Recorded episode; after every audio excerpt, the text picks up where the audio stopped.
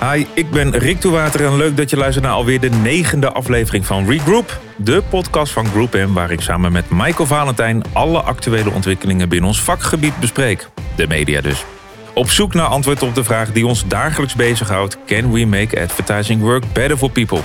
We hebben de CEO van DPG, Erik Roddenhoff, aan de lijn... over zijn besluit om Dirk Sauer journalistiek onderdak te bieden. Raymond Buter staat op de voicemail met een positieve blik op de dag van morgen. En Minke is langs geweest bij Boas Kolnik, Director of Advertising van Mediahuis Nederland...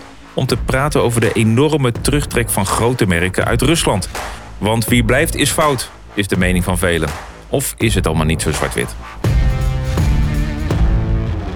Nou, we zijn weer live, Rick. We zijn weer live, nummertje 9.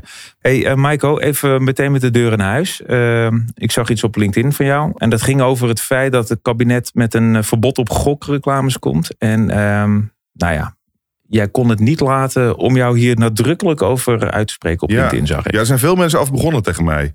Dus je bent niet, niet de eerste. En, um, Moet ik nog even wat woorden herhalen? Vind je dat nodig? Klein nee. beetje, maar dan kan je het nuanceren. Nee, dat hoeft niet. Dat hoeft niet. Nee, ik hoef dit verhaal niet te nuanceren. Kijk, uh, het was natuurlijk heel kort door de bocht. Je moet, als je een statement maakt als deze, moet je soms ook wat beter je best doen om uh, dat ook te onderbouwen. Dat had ik op dat moment wel kunnen doen hoor. Um, ligt naast mij een heel dik rapport over wat we allemaal aan analyses hebben gedraaid om tot zo'n statement uh, te komen. En uh, dat moet je ook bespreken. En dat zal ik ook bespreken met, met de ster hoor. Kijk, het punt ging mij helemaal niet eens om, om de ster. Het punt ging mij onwijs over het overheidsbeleid. Want dat is nou ja, heel duidelijk heel volatiel en het, het, schiet alle kanten op. Het is weinig consistent. je kan niet zeggen in november gaan we alles legaliseren. Je mag aan de slag. En een paar maanden later trek je de stekker eruit omdat je de consequenties niet wil dragen daarvan. Ja, dat had je kunnen bedenken van tevoren. Dus daar ging mijn statement heel over. Ja, en ik, natuurlijk ben ik kritisch op um, wat alle partijen gedaan hebben in, in de periode daarna na, naartoe. En ik denk dat dat niet de schoonheidsprijs verdient. De de wijze waarop. Nou ja, er is heel verschillend omgegaan met vanuit exploitanten. Met hoe daar um, ruimte aan de, aan de merk is gegeven. En op papier kan je heel streng natuurlijk een beleid neerzetten. Maar als je voorkeursposities laat inkopen. Rondom het blok Nederland tegen Noorwegen. Ja, ging het echt toen mis. Ja, ja dat las je echt overal hè. Ja. Oké, tsunami aan gokreclames opgegeven. Ja, en ja. Het, de theorie is dan één en de praktijk is dan een ander. En um, ja, daar was ik kritisch over. Um, en, en verder zullen we ook met de ster praten over, uh, over dat stuk specifiek. Maar uh, in algemene zin zie je in ieder geval dat die, die weg ernaartoe de schoonheidsprijs niet verdient. En dat het opgestrakt is in de, in de periode daarna. Maar nog steeds dat daar ruimte zit om in ieder geval de suggestie te wekken dat het heel zichtbaar is. En nog steeds met voorkeursposities en dergelijke. Maar goed, dat wordt heel technisch. Laten we dat niet doen. Ik vind het vooral belangrijk dat, dat we heel kritisch kijken naar het overheidsbeleid in deze. En ja, als we met z'n allen constateren dat er niks mis is met het product. En we gaan het naar de markt brengen. Ja, dan moet je niet zo'n halfbakken maatregelen op gaan, gaan gooien nu. En dat vind ik zorgwekkend. want ja, nu is het dit onderwerp. Hoe weten we dat we morgen op een ander onderwerp wel kunnen vertrouwen op de richting van de overheid? Nou, dat heeft wel impact op onze business. Ja. Ik vind dat heel kwalijk. Nou ja, als je daar uh, een, uh, een vervolg uh, iets, waar ik even op wil komen, is een mailtje wat ik laatst ontving rondom Ongehoord Nederland. Nieuwe omroep. Ja. Nou ja, die zijn nu op de vingers getikt, noem ik het maar mild, over het verspreiden van desinformatie. Ja. Maar daar kwam ook wel een, de roep om van, moeten we daar nog wel omheen gaan adverteren? Vinden we het nodig ja. om uh, en ik vond het vreemd dat mensen dachten van... oké, okay, een reclameblok wordt altijd geassocieerd met het programma wat daarna komt. Ja. En dat was een beetje het idee. Als je er rondomheen gaat adverteren... dan associëren mensen of kijkers jouw werk met dat programma. Nou, dat lijkt mij wat, wat hooggegrepen. Of denk jij dat, dat, dat mensen nou, echt kijk, zo in de Er is onderzoek die aantoont uh, dat uh, omveldplanning... zeker een bijdrage op, uh, op merkeffecten kan hebben. En dat, dat is, kan Zelfs positief dat zijn. mensen zo gewend zijn van reclameblokken dat ze nog steeds denken: ah ja, maar dat, dat reclameblok zit nu zo specifiek voor dat programma, die horen erbij. Dat zijn nou, vriendjes. Kijk, die horen erbij. Kijk, afhankelijk van het type mindset waar je in terechtkomt op je bepaalde content bekijkt, kan dat natuurlijk wel uh, effect hebben. Je kijkt anders nationaal dan naar een, een herhaling van bouw je huis op een droomkavel.nl achtige omgeving. Dat heeft impact. Dus ik zie zeker wel een correlatie. Daar is genoeg onderzoek voor. En ik, maar goed, het is ook een, eentje die vanuit het hart komt. Ik vind dat, die, dat daar ruimte moet zijn om dat te erkennen. Dus dat betekent ook dat als je content op tv hebt waarvan je denkt, moet ik mijn merk daaromheen hebben? Dat je af moet vragen, wil ik daar dan zitten als merk? Ja. Ehm, kijk, de, de vraag in deze is, is een klein beetje een andere. Vinden wij dat we als uh, democratisch land met vrijheid van meningsuiting alles maar moeten accepteren? Um, nou nee, er zijn natuurlijk grenzen aan. En ik moest denken aan, uh, toen ik dat uh, zag, aan een, een filmpje wat ik. ik denk dat het Victoria Koblenko was die het mee had genomen aan een talkshow. Waarin Poetin enkele jaren geleden naast Mark Rutte stond op een persconferentie te praten over het feit dat wij uh, de pedopartij in Nederland uh, uh, gedogen. Ja. En ehm, dat, daar werd hij op afgemaakt. En nu lach ik niet graag om Poetin, maar het was een, ergens een hilarisch moment dat Mark Rutte gewoon voor zijn kiezen gekregen, gegooid krijgt. Dat wij een, een democratisch land zijn waar we dus alles ook maar goedkeuren. Ja. En hij, Poetin, zal wel regie pakken op dingen die dus niet door de beugel kunnen. Ja, in beide werelden is er iets, er iets mis, denk ik. Ja, dus ook te redden um, dat uh, sommige mensen daarom weggaan daar. Hè? Dat nee, voor mij ga je geen enkel steun nee, voor het regime van maar Poetin daar komen horen. we later nog wel even op. Hoeft het niet over te hebben. Maar het, het, het, punt met name is dat wij natuurlijk de excessen in Nederland dus ook uh, makkelijker ja, ruimte geven. En lang ook, hè? Het duurde echt lang. Uh, ja, dat en, maar in dit geval, als er duidelijk sprake is van racistische uitlatingen, en dat zijn een van de beschuldigingen die aan het programma worden gekoppeld. Um, of, um, nou ja, god, op, op allerlei grensoverschrijdende gebieden, hoe je er ook naar kijkt, zich begeeft, ja. Dan vind ik dat we ook een gesprek moeten hebben over wil je dit wel op de buis hebben. Denk je dat de overheid of het, de NPO ontvankelijk is voor een boycott van zo'n ongehoord Nederland. Stel nou dat uh, een hele grote groep mensen daar nou uh, moeite voor doen, petitie. Ik denk, nou ja, denk je, kijk, denk je dat het de kans verslagen heeft? Ik dacht even dat je ging vragen of een boycott van adverteerders. Dat we Nou, gewoon de blokken leeg laten. Nou, en, je zou zeggen, adverteerders trekken zich massaal terug. Dus die laten die blokken leeg. Die zeggen, en misschien zeggen de mediabureaus op hun beurt ook van, nou weet je, we, we plempen alles vol, behalve rondom dat programma. Dat, die cancelen we. Ja, Maar kunnen mensen een programma cancelen? Ik heb eigenlijk geen flauw idee, zou dat zomaar kunnen. Maar ik denk wel dat adverteerders kunnen zeggen... hé, hey, alles fijn en Je wel. kan altijd een peti- petitie starten. Je kan altijd Ja. zeggen, ik wil eh, hierover klagen. En eh, er zijn natuurlijk genoeg loketten waar je heen kan. eh, om ook gewoon aangifte. Je kan ook gewoon aangifte doen. En zeggen, ik, ik voel mij persoonlijk onheus bejegend door de- dit programma. Dus dan kan je, ehm, dan kan je gewoon voor naar de politie gaan. En dan, dan moeten ze daar iets mee doen. En dan, gaat er iets ontstaan. Kijk, ik denk niet zo snel dat ehm, de blokken leeg gaan zijn. Je merkt toch dat er een soort gelatenheid zit dan eh, in... eh, ja, misschien klinkt het hard, maar er zit een soort gelatenheid in. Nee, dat ga ik niet zeggen. Sorry, dat ga ik niet zeggen. Nee? Ehm, ik denk wel niet. lekker. Nou ja, kijk, hoe het, model nu werkt, is dat er eh, voor een groot deel natuurlijk in pakketten wordt ingekocht. En de, de, de advertenties komen rondom alle programma's wel terecht. Het is een enorme schaarste. En ehm, ja, je moet actief zeggen: ik wil mijn po- positie daar weghalen. Ja, dat, dat, dat vraagt wel wat. En en een handeling. En ja, ik weet niet hoe, ehm, eh, hoe hoog dit spel gespeeld eh, wordt op dit moment. Maar ja, Maar? Nou, daar lijkt toch een soort. Ja, zeg ik dat echt? Ja, ik zeg het echt. Toch een soort gelatenheid eh, daarop eh, te treden. Maar ja, Ja. je moet ook eerst een discussie voeren over wat gebeurt er in het programma en is dit wel of niet eh, binnen de norm van wat wij oké vinden. Ja, nou, ik heb het een paar keer gezien. Nou, het verdient absoluut. Maar dat is nogmaals NS1. En ik ben totaal niet objectief erin. Maar niet de schoonheidsprijs. Maar ik kan me ook voorstellen dat je op nieuwsplatformen... stel dat het gaat over grensoverschrijdend gedrag... of iets met kinderen, of weet ik veel wat, of racisme. Dus daar wil je als je merk ook niet Nee, tussen staan. contextueel wil je absoluut bepaalde zaken Nou. uitsluiten. En dan wil je niet tussenkomen. Dus die, die keuze wordt wel gemaakt. Ja, Eh, maar- maar, of je ook moet gaan zeggen. ehm, kijk, maar, maar dan is het. Dat is het nieuws, hè?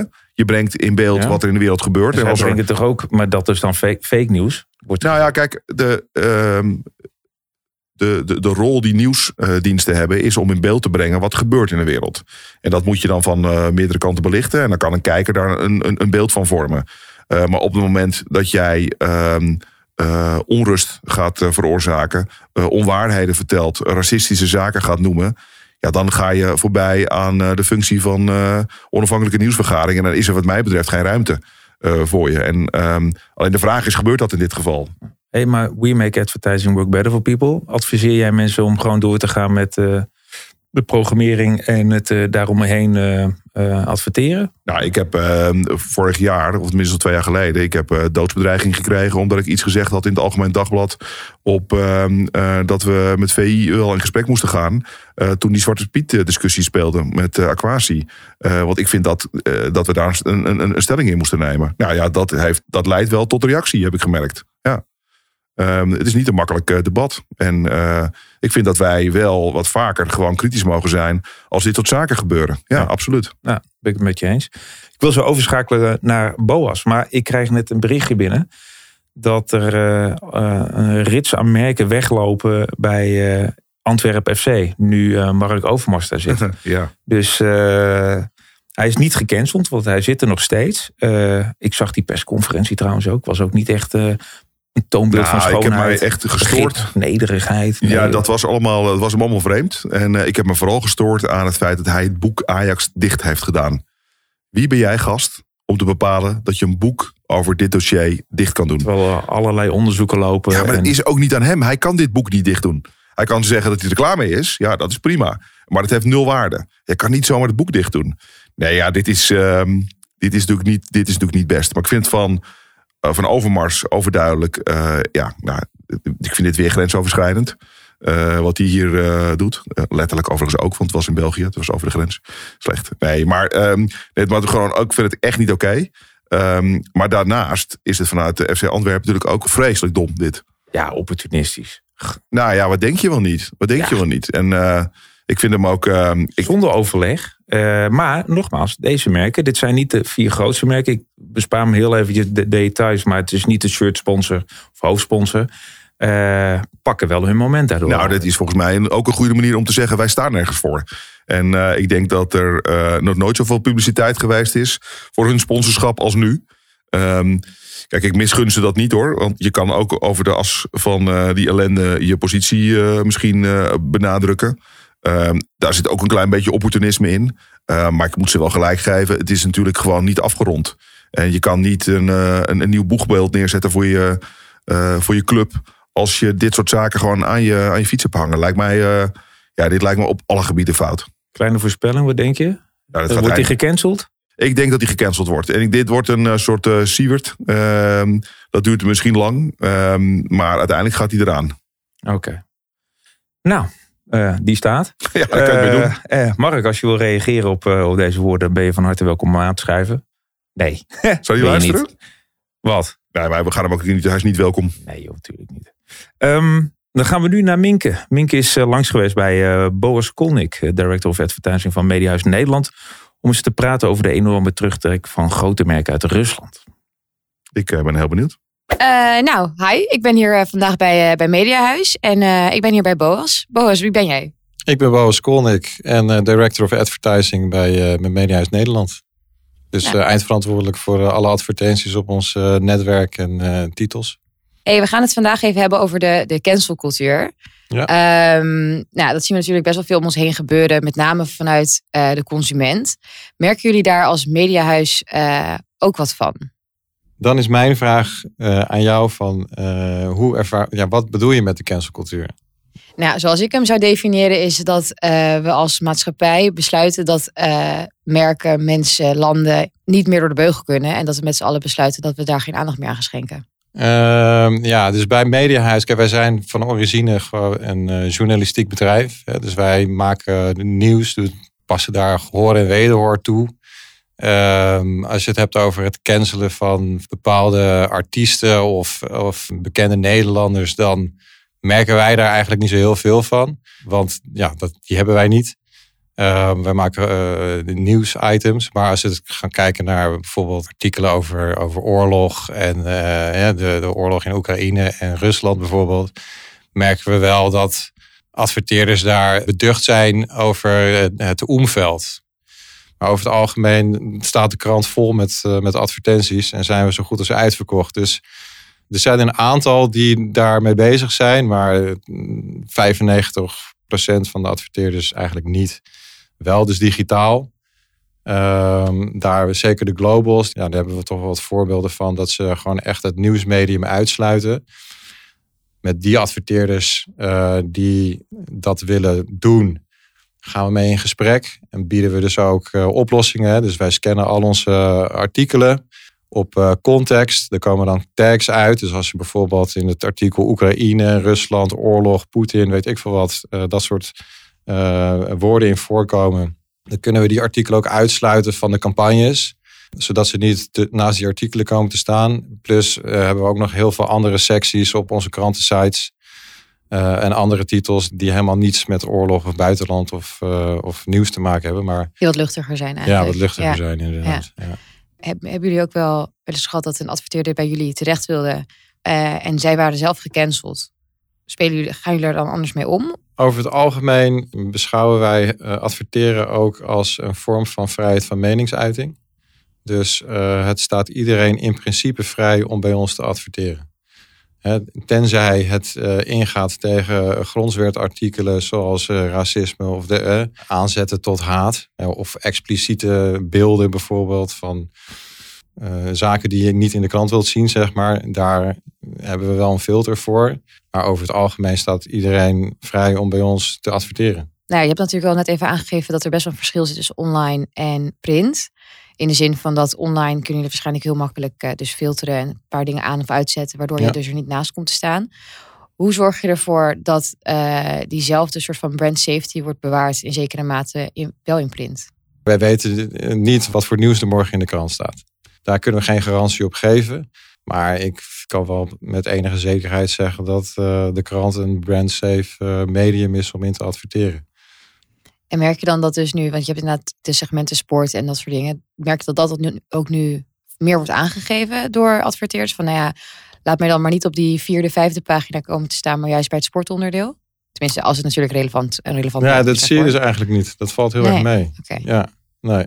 Ja, het saai antwoord. Maar nou ja, nee, het is, eh, ja, ik vind het wel, wel goed eigenlijk. Want ja, er was een casus ook ooit over de Tweede Wereldoorlog in Engeland. Dat juist adverteerders gewoon doorgingen as if nothing was going on. En dat daar dat Ja. eigenlijk wel heel veel rust creëerde onder de Ja. mensen. Van ja, weet je, als we allemaal paniekvoetbal gaan doen, Ja. dan eh, schieten we er eigenlijk ook niet zo heel veel mee op. Nee, klopt. En persoonlijk vanuit mijn exploitante eh, stoel juich ik dat ook heel erg toe. Hè. We willen als democratie onafhankelijke journalistiek. Advertenties eh, zijn gewoon een belangrijke inkomstenbron voor ons die ook die journalistiek bekostigt.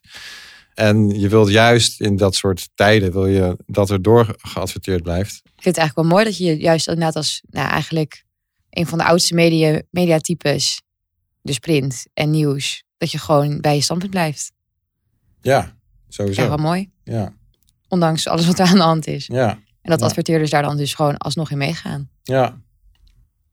Nou ja, een paar dingen die ik eruit haal is eh, dat eh, de krant een brand-safe medium is. Maar eh, een mooie uitspraak eh, zelf wel is eh, dat adverteren gewoon een vorm van vrijheid van meningsuiting is. Wat het natuurlijk ook is.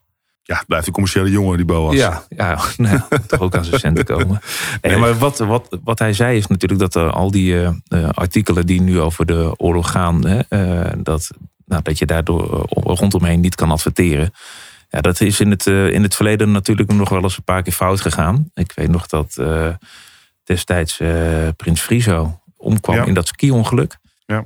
En eh, dat daaronder nou, van een bepaalde verzekeraar keurig netjes de, de- een, eh, een skiverzekering werd aangeboden. Ja. Ja, dat soort missers, dat, dat, eh, die, die, die zie je niet meer. Tenminste, niet vaak meer, laat ik het anders zeggen. Ik werkte ooit voor een grote hamburgerketen. Je kent hem wel. En toen kreeg ik van een concurrerend mediebureau ook eventjes onze uiting door. Want er was een artikel geplaatst dat iemand een aantal mensen eh, neergeschoten had, doodgeschoten had. Een soort eh, schoolmoord was. En diegene werkte bij die bekende hamburgergigant. en daar hadden wij contextual. Automatisch was er een uiting van ons, kom werken bij. Ja, eh, ondergeplaatst. Ja, dat was heel ongemakkelijk. Dat was, en het is wel een toenemend risico, omdat je gewoon te maken hebt met een wereld waarin cookies niet meer altijd een plek hebben, dan wel geen plek straks. ja. En dat er contextual ook wel het een en ander gebeurt. Dus de, hè, wat Bo was ook aanhaalt, de, de checks die je moet doen om te zorgen dat, ja, die zijn eh, belangrijk. Iemand heeft me ooit eens verteld ook toen, ehm, ehm, toen John de Mol en ook. ehm, eh, er waren nog maar een paar eh, be- bekende koppen die eh, in die uitingen zaten van die eh, investeren in bitcoin advertenties. ja. Dat Ja. dat gewoon als een soort van eh, onkruid kwam oppoppen. En dat elke dag er nieuwe accounts waren die inlogden op eh, al de systemen van de publishers. Waarin dan weer een nieuwe uiting kwam. Er was gewoon niet tegenaan te werken. Want elke keer als je er eentje uit de lucht haalde, dan vloog de volgende alweer eh, ja. binnen. Ja. dat was eh, vreselijk moeilijk om eh, te reguleren. Alexander Klubbing en, eh en Jort Kelder die zijn nog steeds bezig met een rechtszaak tegen Facebook hierover. Ja, maar het is, Ongoing. Ja. het is voor Facebook. En ik, ik- neem het niet per se op voor Facebook. Maar wat ik begrepen heb, is dat er elke dag gewoon meerdere accounts worden aangemaakt. Het is natuurlijk heel simpel. Ja. Je hangt er een creditcard aan en het is gaan. Ja. Wat ik me vooral afvraag is, wat loont het in godsnaam om eh, die investeringen te doen? Het kan toch ook niet uit, denk ik. Maar goed, dat businessmodel heb ik nooit helemaal begrepen. Oké, nou we blijven toch nog even bij dit, eh, bij dit eh, onderwerp, Michael. Je gaf al aan, het is wat serieuzer dan, dan misschien normaal. Maar dat is helemaal niet erg, want het zijn ook serieuze tijden. Pas geleden is natuurlijk ook het bericht gekomen dat Dirk Sauer en zijn onafhankelijke Russische nieuwsmedium de Moscow Times intrek zal nemen bij DPG. Ja, bijzonder opvallend nieuws. eh, Ja, mooi ook, vond ik. Vond een mooi, vond een mooi statement. Ja, en het is niet met de voltallige redactie. Het is nog steeds dat daar ook mensen in, eh, in Moskou zelf zijn. Maar echt ondergronds leven. Dus het is, geef maar even de ernst van de situatie aan. Artikelen worden geplaatst zonder de namen er meer bij. Eh, ja, dat, eh, dat stelt, roept er meteen weer vragen op van... ja, maar eh, als er geen naam onder staat... wie heeft het, nou, wie heeft het geschreven? Kan ik die persoon wel vertrouwen? Nu zie je Ja. niks. Het is, Ja. Dat roept, roept heel veel vragen op natuurlijk. Eh, aan de andere kant ben ik heel erg benieuwd... Eh, ja, wat gaan we dan vanuit Nederland kunnen doen? Want eh, eh, zoals Dirk het in een ander eh, interview aangaf, er zijn altijd wel manieren. Ik vind wel een weg naar Rusland en naar Moskou. Of dat nou via Telegram is of via podcast. Eh, ik hoop ook dat het hem lukt. Ehm, Maar volgens mij moeten we naar de bron. we moeten naar de bron. En eh, eh, dat is eh, Erik Roddenhoff, CEO van DPG. Eh, welkom dat je in onze uitzending wil zijn. Wat fijn dat ik er mag zijn. Leuk. Eh, Ja, nou ja, wat we al zeiden. eh, eh, hoe zijn jullie tot deze keuze gekomen om, om Dirk onderdak te bieden? Ja, eigenlijk helemaal niet zo doordacht. Dirk stuurde naar een van onze journalisten een appje. Ik zoek onderdak, kun je me helpen? En, en die journalist appte mij van, joh, wat, wat doen we hiermee? En ik heb de appte terug, dus het is allemaal appverkeer. Eh, ja, natuurlijk doen we dat. Wat heeft hij nodig? En eh, nou ja, via de app kwam eh, computers, netwerk, eh, eh, eh, telefoons, al dat soort zaken. En we hebben gezegd van, nou, je bent van harte welkom. Wanneer kom je? Nou, zei hij, dat weet ik niet. Dat hangt er vanaf hoe snel ik Ja. mensen uit Rusland krijg. En afgelopen week druppelen ze langzaam binnen. Want het is, het is voor die mensen echt wel een tour om hier naartoe te komen. En eh, daarna pas zijn we gaan nadenken over cybersecurity, over veiligheid van het gebouw en al dat soort dingen.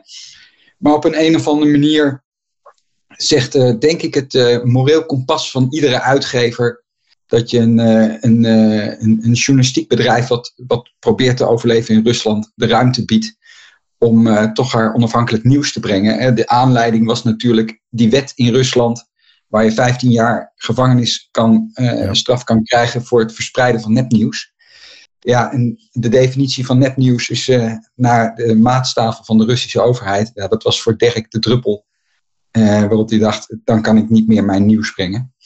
Dus we hebben netwerk de lucht in geholpen. We hebben computers geleverd. Maar ik moet zeggen, het echt zware werk ligt bij die journalisten. Hè? Ja. Als je in hun eh, schoenen gaat staan, dan, eh, dan, eh, dan, dan is het wat wij doen kinderspel. Want de gezinnen zijn achtergebleven. Ze zijn hier naartoe gegaan, volledig anoniem. Eh, je zei dat het eh, zomaar gebeurde. Aan de andere kant, eh, eh, de mensen die al bij je werkten, gewoon in Nederland, ja, die zullen ook wel gedacht hebben van, hé, hey, maar lopen wij nu ineens met z'n allen gevaar nu er onderdak wordt eh, aangeboden? Want ja, dat is natuurlijk ineens eh, ook een risicofactor geworden, eh, lijkt me. Ja, aan de ene kant wel, aan de andere kant niet. Hè. Journalisten zijn vreemde dieren. En als de onafhankelijkheid van de journalistiek eh, eh, op de tocht komt te staan, dan gaan er eh, heel veel eh, parameters eh, lopen, waardoor ze daarvoor gaan staan. Dus ik merkte vooral, eh, net zoals ik, instant reacties. Wat goed dat we dit doen. En natuurlijk gaan we ze steunen. En gelijk komen er ook allemaal ideeën voor journalistieke projecten. Eh, en pas in tweede instantie eh, komt de vraag: is je gebouw wel veilig? Eh, zijn wij veilig?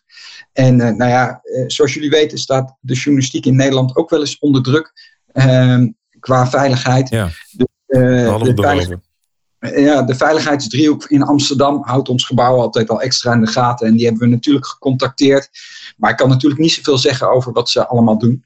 Ehm, maar ehm, het, het was in ieder geval veilig om te doen. Ja, en hoe kijk je eigenlijk, uh, want uh, als ik het heel even betrek op uh, adverteerders en merken, hoe kijk jij daarnaar? Naar die ontzettende cultuur die nu gaande is van al die grote merken, al die bedrijven die daar nu zich, die wegtrekken daar uit Rusland. ook onder druk van de publieke opinie, dat mensen vinden dat je daar weg moet. Ik las ook een, in een artikel dat toen uh, de Koude Oorlog afgelopen was, uh, er een McDonald's werd geopend en dat er een rij van hier tot aan uh, Tokio stond om een hamburger te bestellen. En dat, ja, dat is nu weg. De, die hele was de laatste dag wel? Ik begreep dat ze 1600 dollar dag. betaalden voor een hamburger ja. op de laatste dag. Ja. ja, maar dat dat nooit meer terugkomt. Dat, dat, zij, de meeste Russen willen gewoon dat dat gewoon weer terugkomt. Dat staat ook ergens voor. Hè, van dat de grenzen open gingen. Dat er gewoon weer wat meer mogelijk was. Maar hoe zie jij dat, Erik? Ja, ik vind het um, een heel ingewikkelde en moeilijke discussie. Laat ik vooropstellen, na de Tweede Wereldoorlog hebben we niet meer zo'n oorlog zo dichtbij gehad. Uh, dus de wereld is wel echt veranderd. En uh, het is natuurlijk uh, verschrikkelijk wat, wat de Oekraïners overkomt. En daar kunnen geen woorden te heftig voor zijn. maar aan de andere kant heb ik heel veel moeite met de, de toch heersende cancelcultuur. Ja. Je bent goed of fout en er zit niks tussen. En vaak blijkt dat de wereld veel genuanceerder in elkaar zit dan dat. Dus die, die, de hype van het in één woord kunnen zeggen, of in één kunnen, in zin kunnen zeggen, of je goed of fout bent, of wat je opinie is, eh, daar heb ik heel veel moeite mee, want het doet nooit recht aan de werkelijkheid. Ehm, en je krijgt dan ook een beetje. Kijk, doen die bedrijven dat nou vanwege de publieke opinie? Of doen die bedrijven dat, nou, dat, het op, dat ze dat oprecht vinden? Het, het, eh, het is. Uh, het een volgt het ander op, volgens mij, eh, Erik, om het goed te praten. Maar als ik sommige berichten las, is het echt door druk van een ontzettende uh, uh, social campagne. Hè? Boycott McDonald's, boycott Coca-Cola. Dat je daarna denkt van nou jongens, we moeten hier ook echt wat van vinden. Krijg je een ontzettend obligaat stukje tekst, uh, persberichtje te lezen. Waarin ze natuurlijk vinden dat ze het verschrikkelijk vinden. Ja, dat klopt. Maar met z'n allen zetten we het gas niet uit. Nee. En, en dat is het grootste effect, hè? als we gewoon een, een paar graden lager. De, de, dus die, die, waar ik heel veel moeite mee heb, is de cancelcultuur. Uh, die heerst in het huidige medialandschap. Uh, dat we Rusland de maat nemen, vind ik meer dan terecht. maar ik moet wel zeggen, bedrijven stoppen, dat is dan publieke opinie. het gas uitzetten, dat, dat heeft effect. En dat doet ook pijn bij ons. En, ehm, ehm, maar goed, ik, ik ben er geen specialist in, maar ik denk dat jullie net dezelfde afwegingen hadden. Ehm, ik denk dat dat heel ingewikkeld is. Nou, ik vind het, is een beetje als, uh, het is een beetje, moet je adverteerders uit je kranten in Nederland mijden als ze nog zaken doen met Rusland. Moet je dat doen? En ik heb altijd me op het standpunt gesteld dat ook adverteren is vrijheid van meningsuiting. Uh, dus op een gegeven moment, als wij daar een soort norm van de meerderheid op gaan zetten, dan is het ook niet goed. Hè? Eh, stel dat je dat verlengde trekt naar de journalistiek. De norm van de meerderheid is de waarheid geworden. Ja, dan, je zou maar bij de minderheid horen. Uh, uh, dus ook in advertentielandschap geldt natuurlijk niet liegen, maar wel vrijheid van meningsuiting. En dat geldt eh, net zo goed voor journalistiek. Dus ik vind het een heel ingewikkelde afweging. Dat merk je aan alles bij mij. Maar is het niet ergens, hè? Kijk, wat ik wel. Um, ik, je zegt er is niet meer zo'n oorlog geweest als uh, de Tweede Wereldoorlog. Er is ook niet een. Eh, dat, dat, dat kan ik meteen plaatsen. Er is ook niet een tijd geweest als deze. waarin we zo op het nieuws zitten. waarin we zoveel meekrijgen. waarin de wereld eigenlijk veel kleiner is. Hè? Oekraïne is niet heel ver weg. Het voelt niet als een buurland, maar het is. als je op de kaart kijkt, schrik je eigenlijk van over hoe dichtbij het is. Hè? Um, er zijn mensen die rijden naar Madrid toe uh, met de auto voor de vakantie. Volgens mij zit je dan ook in Kiev. Uh, dus het is, het, is, het is niet heel ver. Um, is het ook niet um, dat de wereld klein is dat iedereen iets wil doen? Dat we het vanuit het goede zouden kunnen benaderen. Dat zoveel merken zeggen: ik wil daar gewoon ook iets aan bijdragen. Ik wil ook zorgen dat dit land onder druk komt te staan. En kijk, we zijn allemaal bang om, om wapens uh, te leveren of, of te sturen. Uh, laat staan oorlog te voeren, want dan krijgen we straks een kernbom op ons dak. Dit is toch een manier om wel ergens een deuk in een pakje boter op zijn minst te slaan? Nee, daarom, daarom zeg ik, ik vind het moeilijke afweging. Want in dit perspectief begrijp ik het heel goed. En, uh, uh, en het is wel. Kijk, er zijn natuurlijk heel veel oorlogen de afgelopen decennia geweest. Nog nooit zo dichtbij. En het lijkt wel een enorme oorlog Oost tegen West. Uh, je leest ook overal de vergelijkingen met de Koude Oorlog. Ja. Ehm, dus het is wel van een andere categorie. En als het als al die terugtrekkingen helpen om Poetin onder druk te zetten, ja, dan, dan, dan heeft het zijn nut. Uh, uh, zeker, daar ben ik het ook helemaal mee eens. Toch blijf ik moeite houden met. Nee, ik snap je. Ik snap je. Het, Kun... de cancelcultuur in zijn geheel. Ja. Kunnen we nog terug als we straks. Uh, ik hoop dat er een punt komt dat het, de oorlog voorbij is. Um, ja, dan zullen mensen natuurlijk de schade opnemen van het, het, het persoonlijke, het mentale, het fysieke alles wat het heftig is. Maar er zal ook een balans moeten komen in... gaan we terug naar Rusland? Nou ja, kijk, uh, uh, ik, ik denk zelf... Uh, de Russen hebben de Russische bevolking... die gun je ook het beste. En allereerst het juiste leiderschap. ja. Maar die gewoon ook al het goede wat de wereld te bieden heeft. Dus waarom zou je ze dat weerhouden. Maar het leiderschap is daar wel. Nou, god, je hoeft ook niet het antwoord erop te geven, want ik wil je niet uh, in een soort. Uh, Zo'n nee, politieke ja, hoek drukken. Maar ik vind het wel, ik, je, je, je drukt je heel mooi uit. En ik vind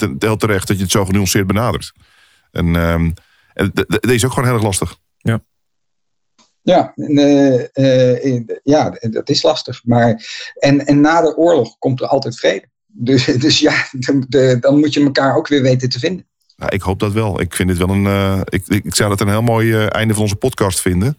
Om ook. Uh, dat wij de vrede hebben. Nou ja, ik hoop dat. Ik hoop dat, ik hoop dat zo enorm. want ja, het is eigenlijk het fijn als we het over de leuke dingen van het leven kunnen hebben. Maar dit is wel een, een heftig. Ik vind het een. Um, je zegt het heel simpel, hè? Het was een appje van een journalistiek collega die heen en weer appen, Dirk Sauer. Maar ik vind het, ik wil het wel gezegd hebben, ik vind het echt een geweldig mooi statement. Dat ook als het misschien simpel voelt, er gaat toch heel veel door je hoofd heen voordat je zo'n eh, beslissing eh, kan maken. Het zegt iets over eh, jullie bedrijfscultuur en het enorme vermogen om te schakelen als het moet. dus ik vind het een prachtig statement. Dankjewel. Ik wilde wel bijgezegd hebben, elke andere uitgever had het ook gedaan. Nou, famous last woord. Dankjewel uh, Erik uh, voor je tijd. Ja. En uh, heel veel succes en sterkte. Dankjewel. Dankjewel Erik. Hoi. Hoi. Hoi. Echt te gek dat Erik even wilde inbellen. Uh, hij gaf ook net aan dat hij toch daarmee worstelt met, met het vraagstuk. En dat zag je ook. Je zag hem ook echt stoeien op scherm. Ja, dat zien mensen natuurlijk niet omdat het podcast is. Ja.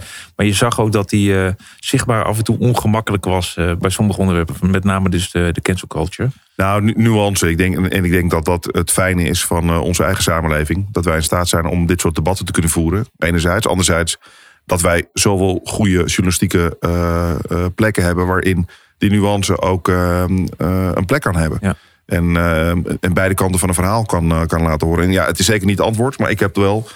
Um, ik, ben, ik ben wel blij dat er in ieder geval iets gebeurt. Of oh ja, nou we hebben hier ook mee te delen. Er zijn hier natuurlijk ook tal van merken die iets willen vinden, of misschien wel moeten vinden van deze kwestie. En uh, die vragen ook ons uh, om hulp daarover. En ik heb ook niet altijd het antwoord klaar liggen van ja, doe maar en uh, spreek je uit. Mensen vinden het erg lastig. En je, je ziet gewoon dat uh, veel uh, marketeers ermee worstelen. Nou, het, het, is een tijd waarin, waarin in, in adverteerders en merken in ieder geval um, geacht worden om het goede voorbeeld te, te laten zien. En ik denk dat merken daar niet per se op ingericht zijn. En dat voor heel veel merken om op de actualiteit in te springen. Of het nou een positie innemen in Black Lives Matter beweging of dat het gaat over de sustainability onderwerpen die nu voorbij komen. Het is heel erg lastig. En zelfs merken, ik zag vanochtend een eh, soort eh, fitty eh, ontstaan op LinkedIn. Van een persoon die Tony Chocolonely uh, aanspreekt op het feit dat zij uh, de, de, de CEO misschien vertrekken met 30 miljoen. Um, maar ook uh, kunnen aantonen dat er afgelopen jaar 25 miljoen euro naar de boeren gegaan is. Um, 30, 25. Er gaat dus meer naar de CEO dan naar de boeren. En daar maakt hij een heel soort punt van. En je ziet dat iedereen van het bedrijf er ook over valt. En iedereen voelt zich persoonlijk aangesproken. De missie van de Tony Chocolonely is: uh, we maken de wereld beter en we hebben zoveel impact hier. Ehm, maar er gaat ook wat mis aan de andere kant. En uh, zelfs een merk dat in de fundamenten heeft opgenomen dat ze het voor de kleine boeren een beter leven en een beter bestaan willen gaan realiseren. En daar ook succesvol zijn. Aan de andere kant ook te maken hebben met een soort van de wetten van het runnen van een groot bedrijf. Wat eigenlijk gewoon niet samengaat. Nee. Het is, het is een, een, wereld waarin uh, merken continu uh, nou ja, ook de maat gemeten wordt, de consumenten. Om zich een bepaald gedrag aan, aan te. Ja, te maar als je zo expliciet en duidelijk uitspreekt over iets, een bepaald standpunt inneemt, dan gaat er gewoon het vergrootglas op. En als je ziet wat zij doen, er zijn tal van chocoladefabrikanten en die hoor ik niet. En die, die hopen dat Tony lekker verder gaat met zijn missie. Want dan in die slipstream pakken zij wel een, pikken zij een gaantje mee. Dus ik snap, het is uh, niet altijd uh, even uh, kies wat er gebeurt. Maar ja, wie dan? Weet je, dus en dan, dan en het, is gewoon hoe het hier ook gaat. Als iets goed gaat, dan willen mensen het ook weer neermaaien. Want dan, dat, dat, dat hoort hier ook een beetje bij. In, vooral in Nederland vind ik. Als je iets goed doet en als je kop ook maar enigszins boven het maaiveld steekt. Dan, dan zit iedereen, doet, gaat dan zijn best doen om hem eraf te hakken. Ja, nee, maar je moet dus wel heel uh, flexibel uh, en uh, sterk en stevig in schoenen staan. Ja, dan, om dit soort publieke debatten ook de baas te kunnen. Is nog, je vraagt toch wel wat van ja, bedrijven. Ja, je moet ook wel de juiste mensen aantrekken als er eenmaal het grote geld ook binnenkomt. En je ziet gewoon, zodra het grote geld ermee gemoeid gaat, hè, dus dan lezen we miljoenen. Ja, dan, dan zie je de dikke chocoladeletter koppen alweer. En dan, ja, dan moet je echt, je moet echt goede mensen om je heen hebben. Ja. Een van die goede mensen staat volgens mij weer op jouw voicemail, want ik zie je telefoon knipperen. Ja, dat, dat klopt. Nou, dat kan er maar één zijn. Raymond, kom er maar in. U heeft één extra lang voicemailbericht. Hey Rick, het is alweer vier maanden geleden dat we tijdens het This Year Next Year event van Groep M met de brand samenkwamen. We spraken met elkaar over trends, uitdagingen en nieuwe kansen in media. En natuurlijk was de invloed van COVID daarbij ook een gespreksonderwerp. We deden voorspellingen over mediabesteding en ontwikkelingen in 22. Maar achteraf gezien hadden we het eigenlijk quarter, next quarter moeten noemen. Of misschien wel this day, next day. Want er is in die vier maanden zoveel gebeurd. Lockdown, MeToo, The Voice, Rusland, Oekraïne, wereldeconomie, transparantie, consent framework, gambling. Kortom, te veel om op te noemen. Maar de vraag is, wat betekenen al die ontwikkelingen voor ons vakgebied? De economie dendert ondanks alles flink door. Er zit nog zoveel geld in de markt dat het effect wellicht niet zo groot is. Maar veel hangt natuurlijk af van de duur en ontwikkeling in de oorlog in het oosten. Volgens analisten zal er eerder een vertraagde groei ontstaan dan een omgekeerde negatieve trend. Anyway, in het kwartaalrapport presteren wij een update van de forecast. En uiteraard houden we daar een bepaalde bandbreedte aan en benadrukken we graag dat deze gebaseerd is op de kennis van vandaag. Anyway, hou je mail in de gaten. De update van de forecast gaat eraan komen. Dankjewel. Hoi. Einde bericht. Nou, het is wel weer uh, typisch, Rick. Hij zegt uh, het is te veel om, uh, om op te noemen, maar hij noemt het wel even allemaal ja, op. Ik vond het waren best wel. het was allemaal nog niet zo'n donker scenario. Nee, maar dat is Raymond, hè? Dat is ja? Raymond op zijn best. Als er heel veel gebeurt. Dat okay. vindt hij, ja, ja natuurlijk. Daar gaat hij lekker op. Nou, daar gaat hij heel goed op. Ja, want er is, veel, er is veel reuring in de markt. Er gebeurt veel. Er wordt veel van hem verwacht. Veel gevraagd. De, de uitdagingen zijn groot. En uh, Raymond uh, pakt het met zijn team op om het te fixen. Dus uh, dat vind ik altijd een heel mooi vertrek. Ik ben ook een beetje gerustgesteld. Ik dacht, de hele wereld gaat naar de KLOTE. Maar, altijd als Raymond belt, ben je toch gerustgesteld. Dat doet hij. groei. Nou, prima, kan ook een keertje. Bestedingen zijn superhoog. De economie dendert maar door. Hè, in plaats van klapt in één. Ja, ja, de nuancering erop is wel dat we het gewoon niet helemaal weten op dit moment. Oh, hè? Of die uh, vertraagde groei zie ik. Ik zie die vertraagde ging groei. Net, ging net zo lekker. Ja, nee, ik vind het ook heel positief. Maar ik moet, ik moet ook realist zijn. We weten ook niet. En dat is precies wat hij ook schetst. Precies wat hij zegt. Het is uh, this year, next year. This quarter, next quarter. This day, next day. Uh, we weten ook natuurlijk niet wat er morgen weer te wachten staat. En dat maakt het momenteel heel volatiel. Ja. Ja, maar kwartaalrapportage komt eraan. Dus we moeten de mail in de gaten houden. Geeft veel antwoorden op veel vragen. Vragen ja. die u niet wist dat je zat. Zelfs die. Ja, en ondertussen gaan we hier ook gewoon uitvogelen wat we gaan doen met deze kwestie. Ja. Want uh, uh, ja, daar hebben we het natuurlijk ook uh, elke dag over. Dus nou, werk vind, aan de winkel. En de cancelcultuur aan zich is natuurlijk eentje waar je kritisch op kan zijn. Maar ik heb, los van de positieve boodschap van Raymond, ook wel echt een heel warm gevoel overgehouden aan het gesprek met, met Erik. Ja. Um, dat ook als um, when push comes to shove, zoals de Engelsen zeggen en er is noodzaak aan uh, support, dan, dan is die er. En zonder blik of blozen, met een appje, Ja. eh, is het geregeld. Ja, Ja. vind ik een, mooi, vind ik een heel mooi Met één gegeven. appje kan je het verschil maken. Dus, eh, Oké, nou, ik heb je straks ook nog eventjes. Ehm, tot de volgende. Dankjewel, Rick. Bedankt voor het luisteren naar Regroup, de podcast van Group M. Mocht je nou naar aanleiding van deze specifieke uitzending vragen of opmerkingen hebben, schroom je dan niet om wat van je te laten horen.